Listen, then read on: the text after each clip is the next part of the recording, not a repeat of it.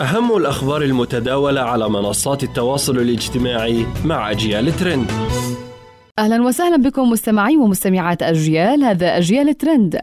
كأس العالم حديثنا هذا اليوم. نتعرف على أهم اللحظات التاريخية التي شغلت المغردين العرب منذ بدء البطولة.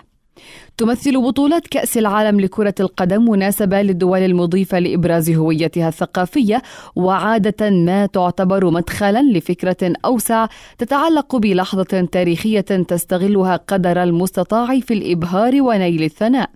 في غضون أيام من انطلاق بطولة كأس العالم لكرة القدم 2022 في قطر هيمنت أخبارها على اهتمامات ونقاشات مستخدمي مواقع التواصل الاجتماعي حول العالم نستعرض فيما يلي أهم أحداث أثارت تفاعل المغردين وأثار بعضها جدلا واسعا فما هي تلك اللحظات؟ اشتعلت مواقع التواصل الاجتماعي عقب تداول مقطع فيديو قيل إنه يوثق تواجد الداعية الاسلامي الهندي الشهير ذاكر نايك في قطر وأن قطر دعت ذاكر نايك حتى يتم إعطاء محاضرات على طول فترة المونديال.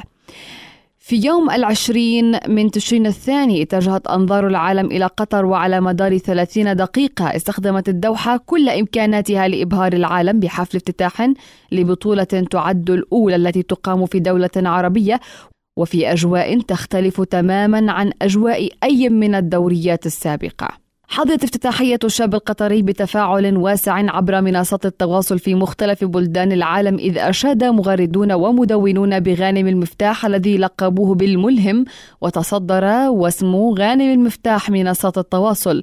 قصة غانم هو مصاب بمتلازمة التراجع الذيلي. اضطراب خلقي نادر يحدث نتيجة عدم تكون الجزء السفلي من العمود الفقري بشكل كامل قبل الولادة.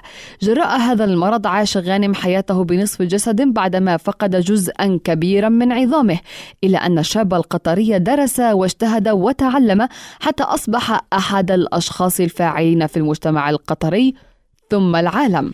ومن اللحظات التي حصدت التفاعل امتناع لاعبو منتخب إيران لكرة القدم عن أداء النشيد الوطني قبل مباراتهم مع إنجلترا في بطولة كأس العالم في خطوة يعتقد أنها تعبر عن تضامن مع المتظاهرين المناهضين للحكومة.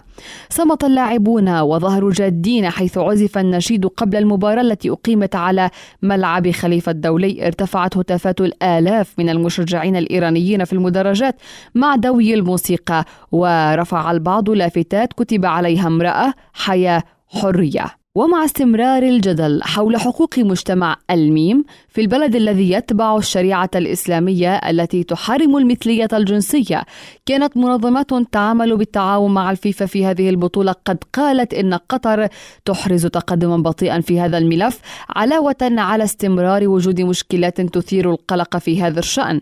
في سياق متصل تداول عدد من المغردين صورا وتسجيلات مصورة تظهر بحسب قولهم أشخاصا منعوا من دخول المباريات بسبب ارتدائهم ملابس عليها شعارات تدعم المثليين. نختم في آخر ما أثار الجدل عبر مواقع التواصل الاجتماعي حيث أثارت الأغنية الرسمية لكأس العالم حيث أثارت الأغنية الرسمية لكأس العالم والتي تحمل عنوان توكاتاكا عاصفة من الجدل والانتقادات لحقت لاحقت بالمغنية اللبنانية مريم فارس التي تشارك في أداء الأغنية إلى جانب مالوما ونيكي ميناج.